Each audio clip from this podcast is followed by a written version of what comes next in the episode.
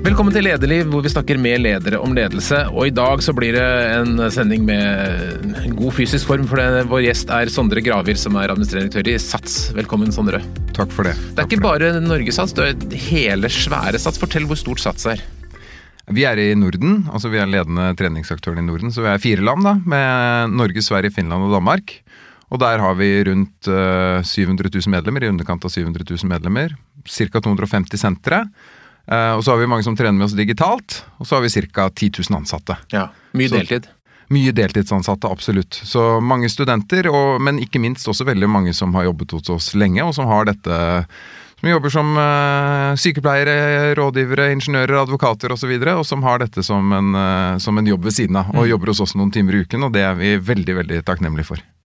Og du kom dit for et par år siden da etter å ha gått en løype fra, fra studier til McKinsey til eh, diverse stillinger i Skipsted. Både vært sjef i Aftenposten, Stavanger Aftenblad, Bergens Tiden og Finn og, og litt av hvert. Og så tok du skrittet da fra media og over i, i trening. Hvorfor det?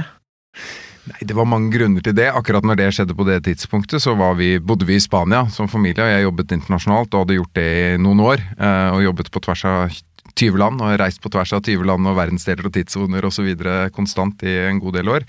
Eh, Og da når vi skulle flytte hjem til Norge, så eh, med hovedkontoret da for den virksomheten jeg ledet i Barcelona, så var ikke det å å ha hovedkontor der og ukependle ned dit. eh, En livsstil som jeg ønsket. Eh, Og så dukket muligheten med Sats opp, eh, parallelt i den, kall det tankeprosessen. Dette her var jo vinteren, hva blir det? Vinteren 20, 2017. Eh, så, eh, nei, 2018. Så dukket denne det, muligheten opp med Sats parallelt i den tankeprosessen. Og da greide jeg ikke la være. Jeg har gått på Sats i 20 år og er, eh, er så fan. Og da ble jeg helt, eh, ble jeg helt gira. Så bra. Vi skal snakke masse om Sats, men vi må, snakke litt om Skipsted. For du, du var jo da i, i dette mediekonsernet i, i veldig lang tid. Jeg leste et intervju du sa, så sa du, det var når du var i Aftenposten, sa at liksom at man hadde 150 år lang historie, og så hadde det vært 140 år hvor det hadde skjedd veldig lite, og så var det 10 år hvor det skjedde veldig mye. Det var vel en periode med veldig mye omstilling?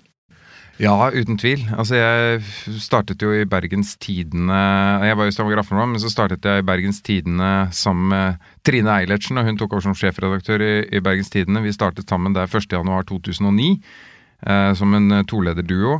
Og, og det var jo Vi vet jo alle hva som skjedde i 2009, og finanskrisen osv. Og, og den kombinasjonen av både liksom finanskrise, digitalisering og omstilling som har pågått egentlig litt eh, i ulike faser siden den gangen, har vært eh, det, Altså, det var jo Det var utrolig fascinerende og lærerikt, og det, det pågår jo fortsatt. Så um, jeg, jo, jeg har jo tett dialog med mange gamle kollegaer i Skipsted, mm. nærmest eh, daglig fortsatt. Og, og, og det er utrolig gøy å se altså, hva, hva, man, hva hele det systemet får til. Både i, Norden, men ikke minst nå internasjonalt også.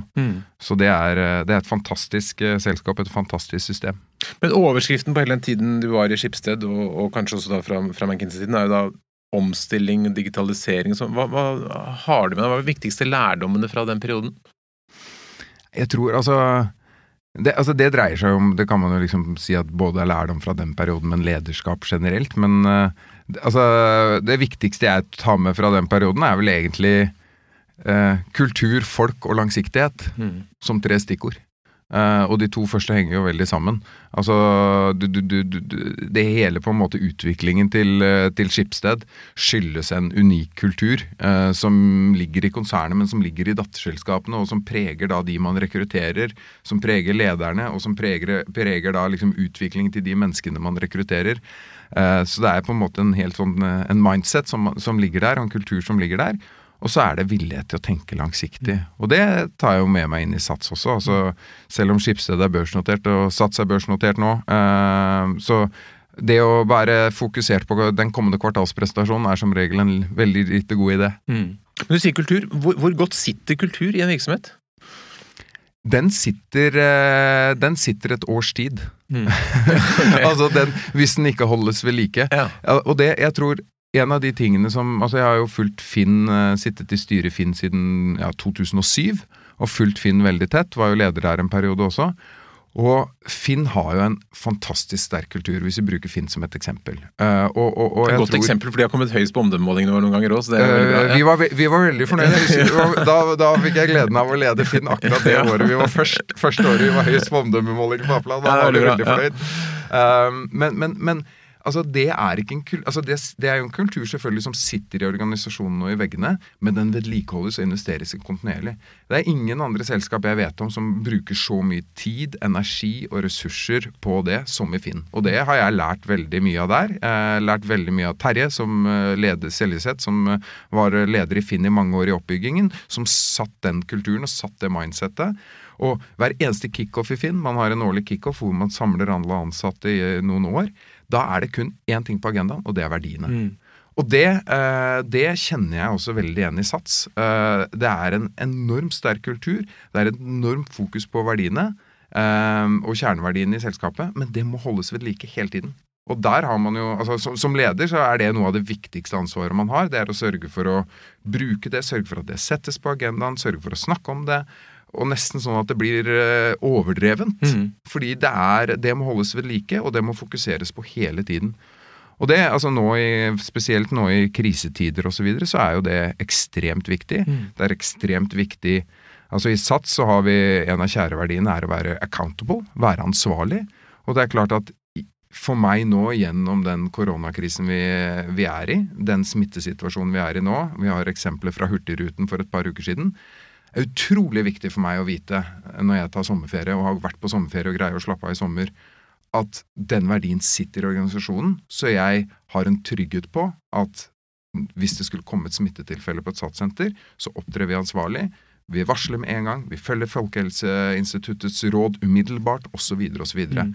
og den type det, det, det styres av kultur. Det men, men, det er interessant, for da kommer du da, du, du, bytter bransje, går, kommer fra media over i trening. Det ligner jo litt til abonnement der og da, men, men, altså Ja, det er mange, veldig mange likheter, bare så det er sagt. Også i forretningsmodell. Kommer, når du kommer inn da, altså, i et helt nytt lederkontor med en helt ny gjeng i flere land osv., hvordan, hvordan får liksom tak på hvordan den kulturen er, og hvordan, klarer, hvordan begynner du å jobbe med den? Nei, da må man være, må man være der ute. altså, da må man det, det har, altså, Jeg har jo hatt gleden av både i Bergens Tidende, Aftenposten, Finn, den internasjonale delen på Rubrik-virksomheten og nå i uh, Sats. Egentlig kommer man jo inn i nye selskaper.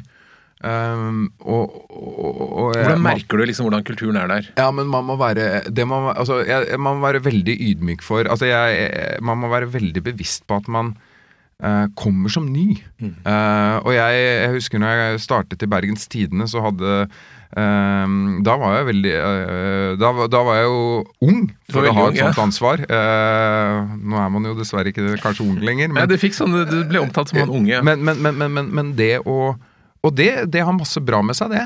Å komme med, kall det nye tanker, og komme med på en måte fra utsiden og se ting med nye øyne og alle de der klisjeene.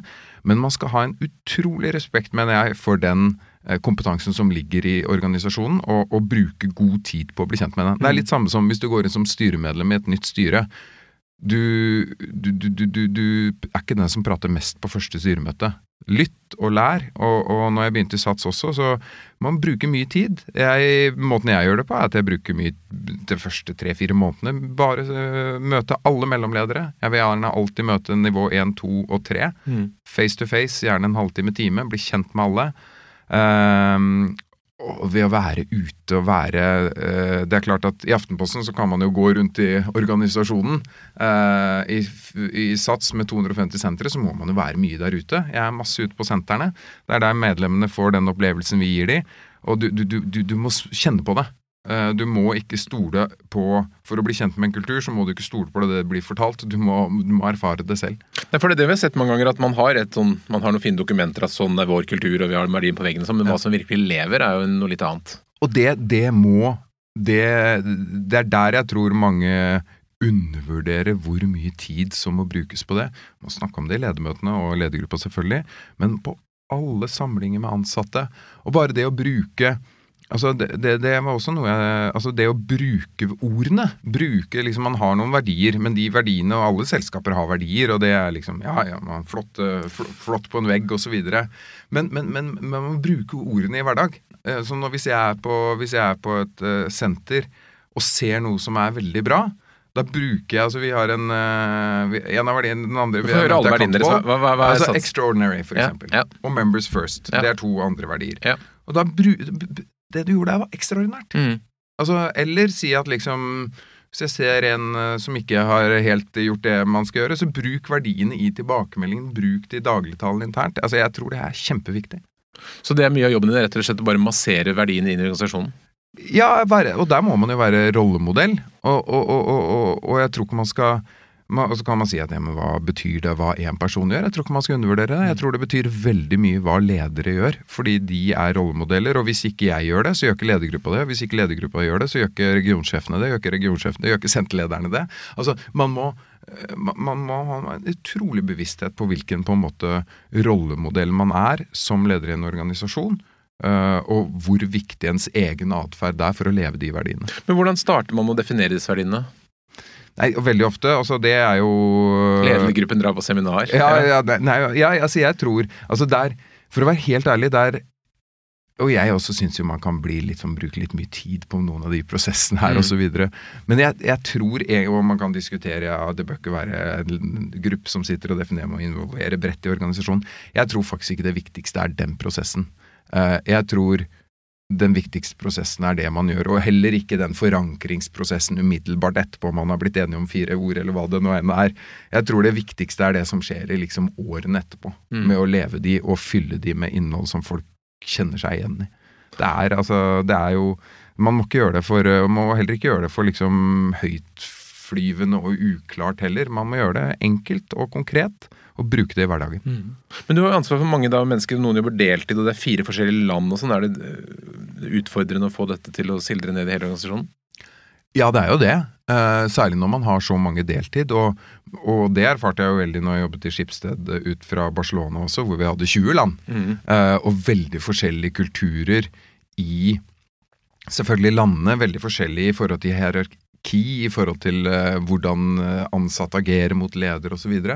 Men jeg opplevde allikevel, på samme måte som jeg gjør i Sats, at man greier å skape et fundament Uh, og så må man akseptere at det er forskjeller. Det er mm. forskjeller i kultur mellom land osv. Og, så videre, og det må man på en måte dyrke som en styrke. Men du må ha et sånt felles fundament i bånn. Og så er det, som du er inne på, ekstra krevende i synes jeg, en virksomhet som, som, vår, med mange deltidsansatte. hvor hoved... Jeg husker første kickoffen jeg var på rett etter jeg hadde begynt i Sats. Så gikk jeg rundt og så snakket jeg med folk. og så Ja, hvor jobber du, da? Mm. Nei, nei, jeg jobber som, jeg jobber som overlege på Ullevål. eh, ja, nå tenkte jeg på hvor jobber du hos oss? Å oh, ja, ja, ja, nei, der, der, der, der, jobber jeg på Sats Ringenes Park. Ja. Um, så det, det, det, er klart, for mange andre så har de en hovedarbeidsgiver som de forholder seg til. Og så er Sats en et sted hvor de får utløp for sine, sin passion. Mm. Men allikevel så opplever jeg at på en måte, hvis vi er flinke til å fokusere på dette på alle kickoff og alle samlinger osv., at det, det, sitter hos de. Mm. Du sa det var flere likheter mellom eh, media og trening enn abonnement. Hva er de andre likhetene? Ja, så Forretningsmodellen som du er inne på, er jo mm. veldig lik. Um, og den er, altså der er det, den, den, er veldig avgjørende hvor lik den er. fordi at det er på en måte fundamentet i en, i en abonnementsbasert forretningsmodell. Og jeg tror liksom, altså Hvis man ser på andre bransjer, veldig flere og flere bransjer går jo over til en, en, på en måte en abonnementsbasert modell. Altså i, i, den digitale verden så er jo på en måte eh, Drømmen er jo å ha et teknolo, teknologiprodukt som er skalerbart, hvor du kan ha det man kaller recurring revenues, altså gjentagende inntekter. Eh, og det er jo den gamle abonnementsmodellen. Eh, det Aftenposten hadde på papiravisa for, eh, for, for mange år siden. Så vi jobber veldig mye rundt det samme, rundt aktivering og bruk. Veldig mange av de, eh, veldig mange av de tankene og ideene og funnene vi gjorde tidlig i den digitale reisen til Aftenposten rundt digitale abonnement, som har jo blitt veldig viktig for Skipsted nå, er jo ting vi jobber mye med i Sats også, rundt aktivering og bruk og osv. Churn-prediksjon osv. Og så er det jo klart hele digitaliseringen eh, er, er, eh, er, det mange likheter med. Uh, og det siste er kanskje altså, som er viktig for meg. Altså jeg må uh, Aftenposten og, og mediebransjen, uh, og også Finn, som selger, liksom sørger for gjenbruk, gjør en viktig ting i samfunnet. Jeg mener at vi gjør en veldig viktig ting for samfunnet også i Sats, ved, ved at vi får folk til å trene, og folkehelsa. Og det, det, den Jeg må ha når jeg skal ha en, liksom, en jobb altså jeg, jeg, må ha en passion for altså Jeg må virkelig kjenne at jeg identifiserer meg med det vi driver med, og kan stå for det. Og det føler jeg virkelig i Sats. Ja, For det virker som treningssentrene har ganske stor plass i livet til mange hundene dine? Ja. Um, Dere betyr mye? Vi betyr jo jeg, jeg, tror jo på en måte alle uh, Ja, vi betyr mye for folk, uh, og det er mye engasjement, Uh, og det bruker Men det, det Altså, herlighet, altså medlemmene våre de er mer og mer aktive. Vi jobber veldig altså, Folk tror det at uh, drømmeforretningsmodellen hvis du driver en, i vår bransje, det er jo å sørge for å få inn masse medlemmer som ikke trener, og ikke mm. bruker medlemskapet sitt. Jeg har vært sånn medlem. tjener man masse penger på det. ja. uh, og så hører man om alle som snakker i middager om støttemedlem, og jeg har vært støttemedlem i tre år og aldri trent osv. Sannheten er jo altså er, sannheten er totalt motsatt. Altså, vi har ikke så mange støttemedlemmer. De fleste melder seg ut i løpet av et par-tre par, måneder hvis de ikke bruker det. Uh, det samme så vi for øvrig i Aftenposten. altså abon Abonnenter som ikke leser avisen, de stoppet abonnementet. Og uh, medlemmer som ikke trener, de stopper uh, medlemskapet.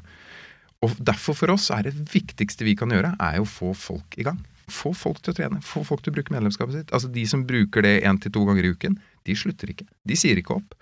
Um, og, og, derfor er det også en sånn og det, det er også syns jeg er utrolig viktig, og igjen tilbake kultur da, for, et, for, en organisasjon, at altså det er utrolig viktig at det er samsvar mellom Kall det de kommersielle og finansielle ambisjonene og målene, og det man sier er alle Selskapene har jo snakka om verdier, men alle selskaper har en visjon osv. som de snakker mye om osv.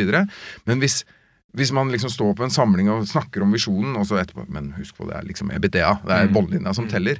Og Hvis ikke det er samsvar der, da har man et problem. Men for oss er det samsvar. altså For oss dreier det seg om å få flest mulig av medlemmene våre, og enda flere medlemmer enn vi har, til å trene mest mulig da oppnår vi på en måte målsetningen vår, som er å få folk i bedre form og gjøre de sunnere og gladere. Men vi tjener også mer penger. Men jeg tror det er sånn som du sier en del steder, hvor liksom visjoner og verdier og sånn er noen honnører, og så egentlig så skal vi bare tjene masse penger. At, at det ikke henger yes. ordentlig sammen. Og hvis ikke det henger sammen, da, da, er det jo altså, da er det vanskelig å være troverdig da, som leder. Hvem er de typiske satskundene? Har du noen sånne arketyper av kunder? Ja, nå hadde jo DN en eh, Det var jo en sånn der serie i DN for en stund siden som viste de liksom arketypiske trenings, uh, treningstypene.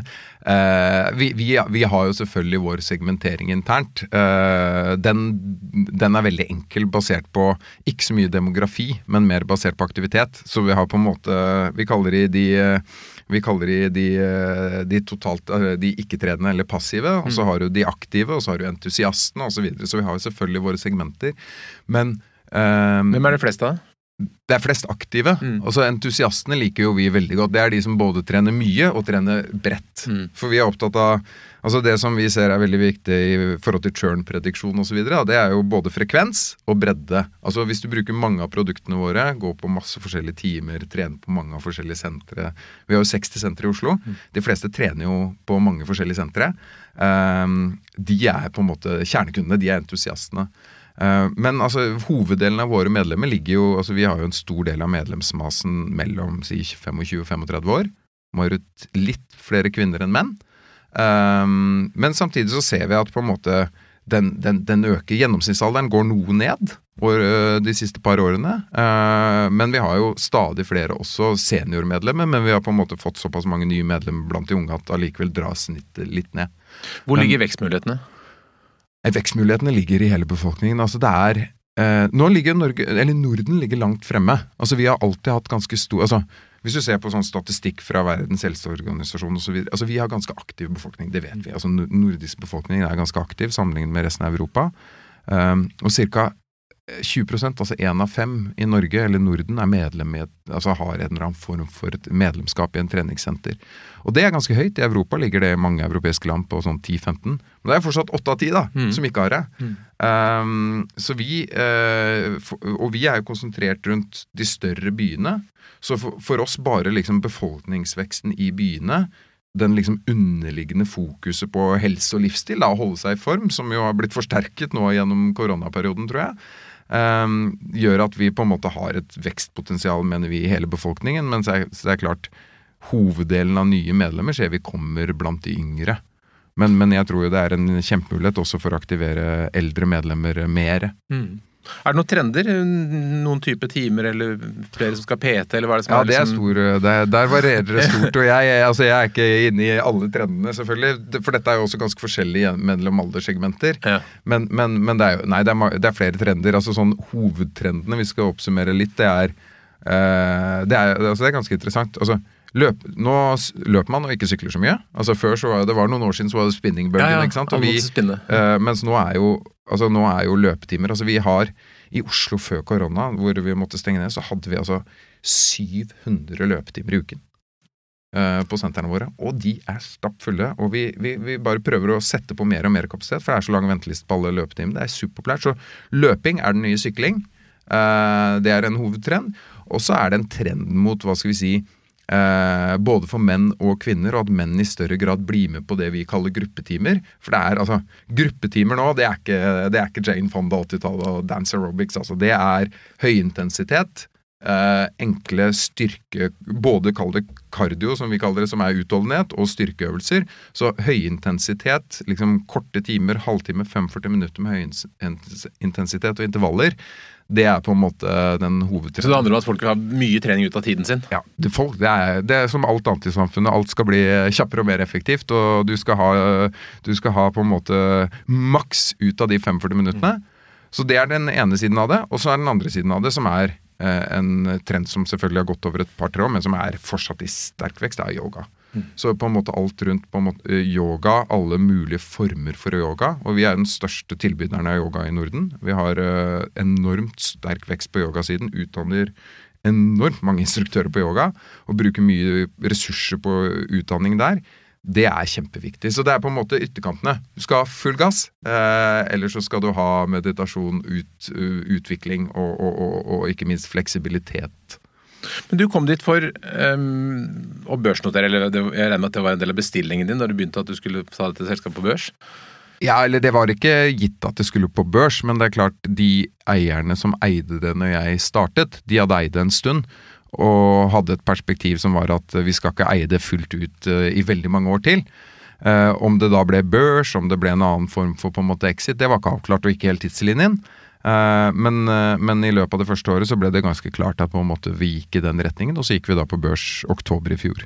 Og det er jo en spennende oppgave. Altså, hvordan, hvordan gjør man det? Hva er oppskriften på en vellykket børsnotering? Nei, den, eh, den, eh, den, den oppskriften er vel eh, Altså, hvis du snakker med en, hvis du snakker med en i investment banking som tilrettelegger for børsnotering, i corporate-avdelingene der, så er jo oppskriften å ha fantastiske rådgivere som har de rette på en måte eh, relasjonene inn til den riktige investorbasen. Og jeg tror, altså det er viktig. Man må, man må tenke gjennom hva slags story er det man har til markedet? Hva er grunnen til at du skal eie dette selskapet? Er det fordi du er en eh, fantastisk vekstmaskin?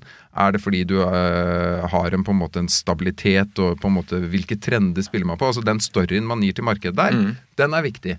Um, men også øh, så har jo ting forandret seg. Nå har vi sett børsnoteringer som har skjedd heldigitalt gjennom korona, hvor man ikke har hatt et eneste fysisk investormøte. Alt har skjedd digitalt.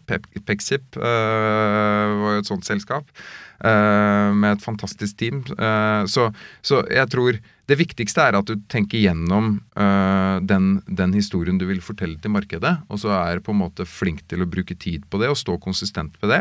Og det, det må være på en måte den historien som stemmer, da. Altså, hva, hva var essensen i, det, i den historien dere hadde da? Eller du hadde?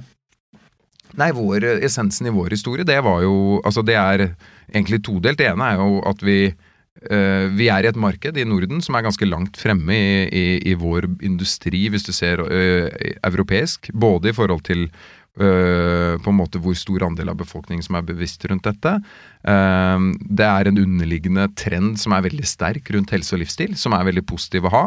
Eh, vi er i store byer hvor det er på en måte en befolkningsvekst, og så er det knyttet til hele digitaliseringen hvor vi har kommet ganske mye lenger og har en ganske mye større kall det fleksibilitet i medlemskapsmodellen og tilnærmingen og digital bruk osv. enn mange andre aktører. Pluss, så det er en kombinasjon av egentlig underliggende helsetrend, vekst og, eh, og digitalisering. Som var på en måte de, de pilarene som vi fokuserer på. Altså, det er jo ikke egentlig historien til markedet, det er vel så mye de tingene vi fokuserer på internt. Fikk dere mange av medlemmene med som investorer? En god del. Og så Altså, jeg syns jo det er kjempefint når man har både medlemmer, men også ansatte eh, med, på, med på eiersiden. Eh, og så er det jo klart, det har jo vært en eh, Eh, for, for, våre eiere så har det jo vært en krevende periode nå gjennom, uh, gjennom uh, koronaperioden i forhold til verdiutviklingen av selskapet. Så det er, jo, det er jo vår jobb å sørge for at den kommer riktig vei igjen. Mm. Og det, det har jo selvfølgelig vært en utrolig spennende periode for mange, eller for alle. Fortell, hvordan, hvordan var mars for deg når, når, korona begynte å ta tak? Nei, det var tøft. Uh, det var altså øh, Vi begynte øh, jeg, jeg, Det var liksom flere ting. altså Vi begynte å se det tydelig gjennom februar. Uh, og vi er jo altså, altså, vi er jo en menneskebusiness, ikke sant. Vi samler mennesker. Så det er klart at når dette begynte virkelig å på en måte bli aktualisert gjennom februar, så ble det veldig tydelig for oss at her må vi ta grep tidlig. Så vi, vi satt f.eks. ansatte i karantene som hadde vært på skiferie i Alpene. Begynte med det uken før man begynte å gjøre det med helsepersonell i Norge. Så vi følte at vi var ganske tidlig ute med å ta ganske ekstreme grep. Nesten så, mer, så, ekstreme grep at mange internt reagerte på det. Um, men så eskalerte det jo veldig. Uh, og den 12. mars, jeg husker vi hadde ledermøte den 11. mars, sent, sent på kvelden. Uh, da begynte vi å på en måte, da eskalerte skikkelig. Vi begynte å få noen smittetilfeller også på sentrene våre. Så bestemte vi på ledermøtet da at vi stenger ikke. Ehm, det var ingenting fra myndighetene som tilsa i rådene at vi skulle gjøre det. Og så tror jeg vi alle sammen i ledergruppa Vi avsluttet ledermøtet sånn i halv tolv-tida på kvelden. Så tror jeg vi alle bare følte at Jeg tror vi alle gjennom natta, den natta sov jeg ikke et sekund, følte at dette er feil. Mm. Altså, dette er feil. Så vi begynte å tekste, vi altså WhatsApp-gruppe. begynte vi å tekste i ledergruppa fra liksom sånn halv seks om morgenen. Og så bestemte vi vi tar et ledermøte klokka, klokka sju. Så hadde vi ledermøte klokken syv på morgenen 12. mars. Og da var vi alle enige om at vi, vi må stenge. Det er, vi, vi er, det er ikke ansvarlig nå. Og tilbake til verdiene. Det er ikke ansvarlig lenger å holde på. Vi vet ikke nok uh, hvordan dette utvikler seg. Vi, vi, vet ikke hvilke rutiner rundt smittevern vi må ha på sentrene våre for at det skal være trygt for medlemmene våre ansatte. Vi må stenge. Så da kommuniserte vi da på morgenen klokka åtte 12. mars at vi stengte alle sentrene i Norden. Uh, lite visste vi da at uh, regjeringen i Norge skulle ha pressekonferanse senere samme dag klokken to og stenge vår industri helt. Uh, så, så, det ble jo på en måte Sånn ble det. Da hadde vi allerede stengt. Og det var jo veldig, altså Så ble jo utviklingen så totalt forskjellig i de forskjellige landene. Sverige vet vi jo alle at hadde en helt annen tilnærming til håndteringen av korona fra myndighetenes side enn i Norge og Danmark og Finland. Så der holdt jo alle konkurrentene åpent. Vi var de eneste som stengte, også i Finland. Uh, og, og, og, de stjal masse medlemmer fra oss og holdt på. ikke sant? Men vi, vi, var stengt en periode der, og så åpnet vi etter en stund i Sverige. Åpnet vi i slutten av april i Finland, og så Norge og Danmark ca. samtidig i midten av juni. Men nei, det var tøft, og kanskje Altså, det tøff Én ting er på en måte det helsemessige, men vi permitterte jo bare i Norge over 4000 ansatte i mm. løpet av et døgn. Um, og, og, det er klart, dette er mennesker som Altså, de, det er så mye fine folk uh, som har jobbet så lenge. Det er mennesker som kanskje har ektefellen eller samboeren eller kjæresten også jobbende hos oss eller i en retail-bransje, som begge ble permittert. Vi vet alle hvilke utfordringer Nav hadde med å utbetale penger og så altså, Det var så mange skjebner, og det fikk så store personlige konsekvenser for så mange dyktige ansatte. Og det å føle på at liksom valgene vi tar nå de neste ukene, påvirker i stor grad liksom sannsynligheten for om de har en jobb å komme tilbake til. Det, det, det ansvaret eh, tror jeg alle lederne i SATS og alle som var involvert i den kall task force, som vi kalte mm. det, som jobba døgnet rundt der, følte veldig på. Så nå 15.6 før sommeren, hvor vi kunne ønske så godt som alle ansatte tilbake på jobb, det var, eh, det var et eventyr. Har responsen blant eh, medlemmer og ansatte og omgivelsene vært ulike i de forskjellige landene? Eh, ikke så stor grad, egentlig. Eh, responsen fra myndighetene har vært mer forskjellig enn responsen fra medlemmer og ansatte. Eh, vi opplever jo at medlemmene setter Litt varierende fra land til land, men i stor grad setter veldig pris på at vi tar det seriøst. At de setter veldig pris på at det er strenge tiltak. Eh, de forstår Til å begynne med så var det litt sånn negative reaksjoner eh, i Stockholm eh, på noen av klubbene i sentrum der, spesielt blant yngre medlemmer, når vi rettesatte de og forklarte de at dere må holde mer avstand osv. Men over tid så forstår medlemmene det veldig bra. Vi gjør Vi gjør, vi gjør noe som kalles altså Vår medlemsundersøkelse kalles MPS. Det er jo en vanlig måte å tracke Mm. feedback fra, fra kunder på. Vi gjør rundt 40 000 NPS-svar i løpet av en måned og følger dette veldig tett. Vi har fått et kjempebygst på NPS-en, altså Mm. tilbakemeldingene etter åpning, fordi vi tar ting seriøst og, og, og har strenge rutiner.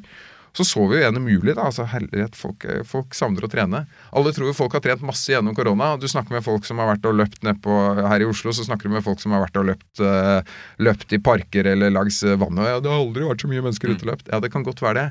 Men sannheten er jo at det er en liten del av befolkningen som har greid å trene.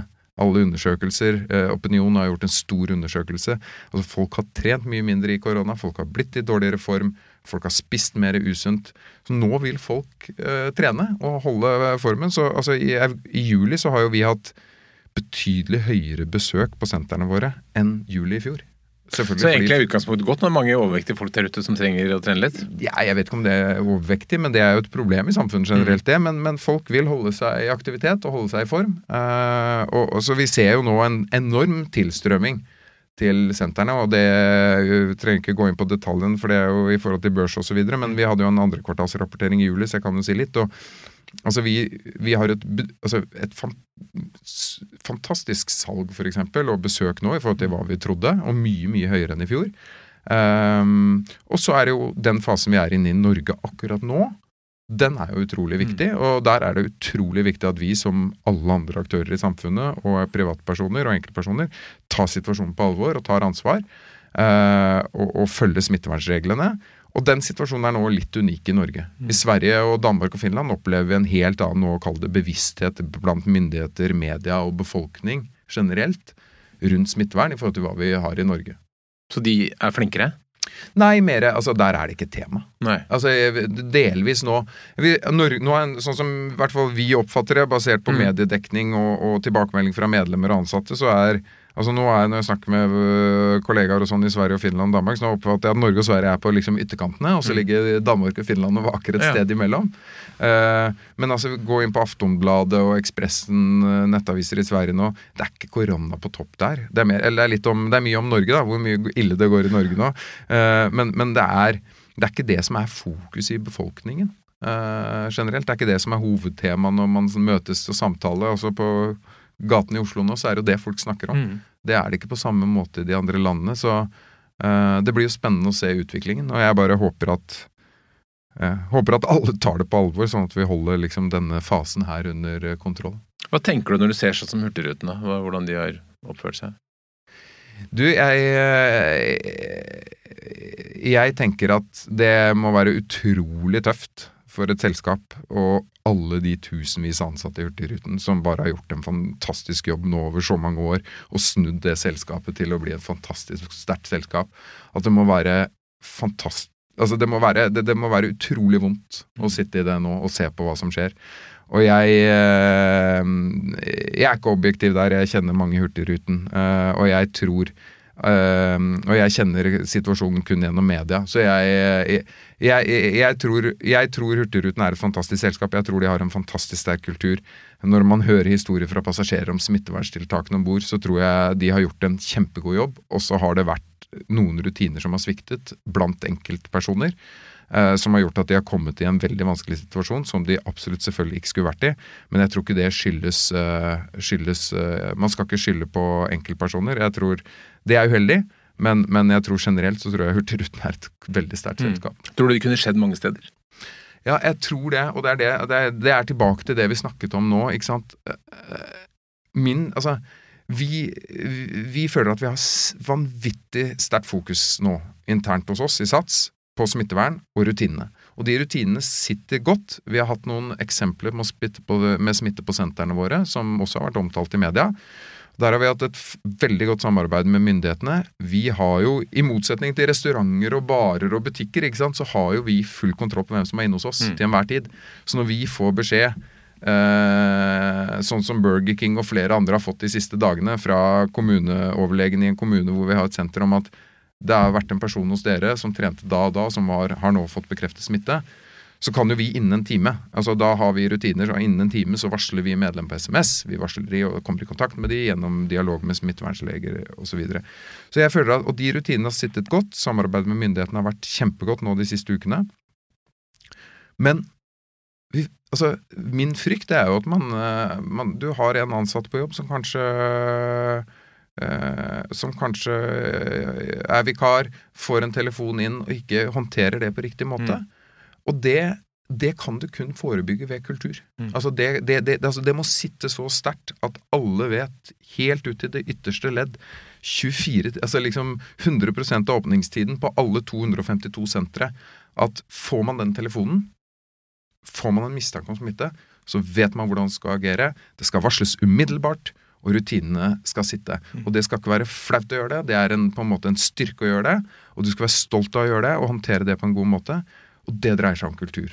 Og den, den, det, det, det, kan man ikke sette på liksom, skrift på papiret. Man kan ha rutinene, man kan være ekstremt tydelig på det, men man må ha den der kulturen i bånn, hvor man vet at de, de rutinene etterleves. Fordi det er man er stolt av å gjøre det som er riktig overfor medlemmene og seg selv. Men har snakket mye i forhold da, til medlemmene og til, til ansatte, så, men du har jo da for et halvt års tid siden stått, snakket til disse investorene om at hvor fantastisk det blir. Ja. Er det vanskelig å, å, å, å, fortelle at nå blir dette en helt annen historie, kanskje, økonomisk, pga. korona? Nei. Altså, det Den historien vi forteller investorene våre, føler jeg er veldig lik den historien vi forteller våre ansatte. Det er tilbake til på en måte det jeg snakket om i stad. Altså, det, det, det, er ikke noen motsetning der. Um, jeg tror det er utrolig viktig, og det, der lærte jeg masse i Skipsted og måten man håndterte liksom uh, invest, altså Det som kalles IR, Investor Relations, mm. ikke sant? altså relasjonen til investorene dine. Jeg tror det er utrolig viktig å være, være, åpen og ærlig, ikke liksom overselge. Jeg er ganske opptatt av i kommunikasjonen, i vår kommunikasjon til marked og investorprestasjoner osv. at vi Ehm, det er, bedre å, er bedre å fortelle om å, fantastiske leveranser i historien enn å love de frem i tid. Så jeg, jeg, er opptatt av at man er ganske nøkterne med hva man guider på og kommuniserer. Så jeg, eh, og jeg opplever at tilbakemeldingen fra eierne våre og investorene som vi har møtt nå gjennom korona og etter korona, er at de har forståelse for situasjonen. Det viktige for dem er måten vi håndterer det på. I forhold til liksom sikkerhet for medlemmene og trygghet for medlemmene. Og at vi Samtidig så har jo vi hatt en fantastisk digital boost gjennom korona. Altså Vi har hatt nesten 600 000 som har trent med oss digitalt. Så det, det, har jo skapt noen veldig unike muligheter som det er viktig å på en måte agere tydelig på. Uh, så jeg opplever generelt at, og det tror jeg de fleste, liksom det finansielle miljøet i hele Norden har, har forståelse for på en måte det som skjer. Mm. Og så er de opptatt av hvordan man som selskap, og det er gjennom vårt styre, som har vært veldig tett på i denne perioden her, de er opptatt av hvordan vi håndterer det. Ikke så mye om aksjen faller fra, eller stiger kortsiktig fra XD. Har du lært noe nytt om ledelse i den perioden? Ja. Jeg har, altså jeg, Eller mer kanskje de tingene man ikke har tenkt så mye på, har man bare blitt veldig, veldig mye mer bevisst på. Um, og nå, nå, nå, har jeg snakket mye om kultur, og, og, og jeg, den Det har virkelig blitt en sånn bevisstgjøring rundt hvor viktig det er. Uh, og hvor viktig du har uh, hvor viktig, og, og, ikke minst hvor viktig det er å ha tillit da, i det teamet du har rundt deg, og de menneskene du har rundt deg. Og du vet, uh, du vet at folk har på en måte initiativ og de riktige intensjonene, og du mm. stoler på det. Og det tas jo, altså Man tar jo veldig mange beslutninger på kort tid som har ganske store konsekvenser. Og man vet det, det, det, er også det, det er, det er første gang jeg tror jeg altså Det er vel det er den største krisen jeg har stått igjennom som leder. Og det Jeg er jo ganske analytisk anlagt. Jeg liker tall. Eh, jeg liker å ta beslutninger basert på fakta, eh, og har jo alltid gjort det. Og glad i analyser og, og, og så videre. Eh, og nå har man ikke hatt det. Man har ikke hatt tid til å ha liksom, den faktaunderlaget alltid som man gjerne ville hatt når man tok beslutninger. Og det har vært lærerikt og litt sånn nytt og utfordrende. Har det vært gøy? Uh, Nei, gøy, gøy, vil jeg ikke si at det har vært fordi man uh, Det er lov å si at man har Nei, når man er sånn som jeg er, så uh, Nei. Uh, det er ikke gøy, fordi at man er ukomfortabel med å ta beslutninger som man vet får store konsekvenser, enten for selskap, for medlemmer eller for ansatte. Uten å virkelig ha det faktagrunnlaget som man liker å ha eh, når man tar de beslutningene. Det, det, det, når Man er sånn, altså man er jo forskjellig der, men jeg liker ikke det. Jeg, jeg, jeg, blir, jeg blir ukomfortabel av det. Og så må man men, men, da er det også viktig at man er, på en måte har en tett liten gruppe som man kan diskutere med og være ærlig med, og litt sånn altså, åpen om at dette er hva, hva gjør vi, liksom? Mm. Uh, og så må man jo stå veldig tydelig på de beslutningene og stå for de. Hvor er det du finner svaret da, når du ikke har faktagrunnlaget? Nei, det finner uh, blant uh, gjengen. Mm. Jeg har sjelden svaret. Men den, altså Nei, det er, det er den gjengen vi jobber sammen med. Altså, det er, det er, det er jo det, liksom Men det er jo Det sier man jo alltid, men det får man bare så mange påminnelser, og særlig en krise. Altså de folkene man har rundt seg. Mm. Det er at det er Altså, det, det, er så mange som har imponert meg så vanvittig og, og, altså, gjort ting som ikke jeg greide å altså, jeg bare, Ikke jeg har tenkt på i det hele tatt. Altså, jeg, det er bare, de er bare flinkere. Og er, altså, de har funnet, gjort så mye bra som ikke jeg hadde hatt sjanse til å gjøre selv. Og det er, det er bare utrolig gøy og fascinerende. Men Du har jo hatt veldig begivende strikt tid, da, børsnotering og så korona. Men hva blir liksom neste, hva, hva, når du er ferdig med det? da? Hva, hvor, skal, hvor skal du med Sats? Nei, Vi skal vokse, da. Mm. Vi skal jo gjerne på en måte eh, gi det vi mener er fantastiske opplevelser, eh, til fler. Og så um, er det mange som har spurt nå gjennom korona ikke sant, med hjemmetreningstrender og andre på en måte treningsformer og digitalisering om på en måte det, liksom, Hvor fundamentalt kommer det til å endre Sats, da, men også eller industrien generelt? Og jeg, altså, jeg, jeg tror, altså, det, det som er det fascinerende med kriser, er jo at på en måte alle trender som var på gang, kall det før en krise, akselereres. Og det har det gjort nå også. Eh, så, så, jeg tror jo på en måte eh, Jeg er jo veldig glad for at vi på en måte hadde det fundamentet vi hadde digitalt. Vi hadde allerede fått opp et internt team. Vi har ansatt nå Vi har fantastisk dyktige teknologer internt, så vi kan gjøre mye spennende. Um, og det, det, det, er jo på en måte et område som vi kommer til å fokusere mer og mer mm. på. Men jeg tror ikke det. Og vi, jeg, jeg, ser ikke på det som noe trussel i det hele tatt. Jeg. Altså, som sagt så er det tross alt 80% av befolkningen som ikke har noe medlemskap i et treningssenter. Eh, det at du får nye aktører, det at du får både som driver med fysisk trening, men digitale aktører som har apper og har masse godt innhold, det er bare bra. For dette er en sånn, det er en sånn utømmelig kilde. For du har så mange som ikke trener, og de som trener litt, kan trene mye. Og de som trener mye, kan trene enda mer. Så, så det er bare en utømmelig kilde til vekst. Uh, så jeg tror på en måte at det som skjer nå med digitaliseringen, uh, nye treningstrender osv., det, altså det er fantastisk uh, komplementerende, og ikke på en måte substitutt for det vi driver med. Så jeg tror jo noen år nede i løypa så tror jeg SATS-medlemmer kommer til å trene De kommer til å ha et SATS-medlemskap, de kommer til å trene på SATS eh, noen ganger. De kommer til å trene hjemme med SATS noen ganger. De kommer til kanskje å trene noe annet med noen andre digitalt noen ganger. Og så blir det på en måte en helhet som, som henger sammen. Men du har en enorm kundebase. Man kunne tenke seg at dere kan begynne å selge helt andre ting? Altså andre tjenester, helsetjenester, skjønnhetstjenester? Ja, ja og det, det, det, det, kommer vi til å gjøre. Uh, vi har 700, ja, nesten, har vi jo ja, nesten 700 000 medlemmer. Og det er klart at vi eh, Altså, trening er på en måte kjernen i en veldig stor sånn helse-livsstilsegment, som du er inne på. Og der ligger det mye, eh, inkludert også, og det er veldig tett opp til helse. Eh, og vi har jo sett på det, og sett på liksom mulighet for å ekspandere. Og der tror jeg det er liksom Jeg tror det er to ting som er viktig der. Det ene er at det er liksom skomaker blir ved din lest. Det tror jeg alltid er viktig. Altså vi, vi skal være best på trening, og nå på fysisk trening og på digital trening. Og det er pri én.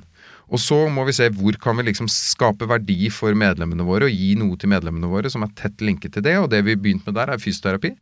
Så vi har fysioterapi nå på en god del uh, sentre som fungerer bra.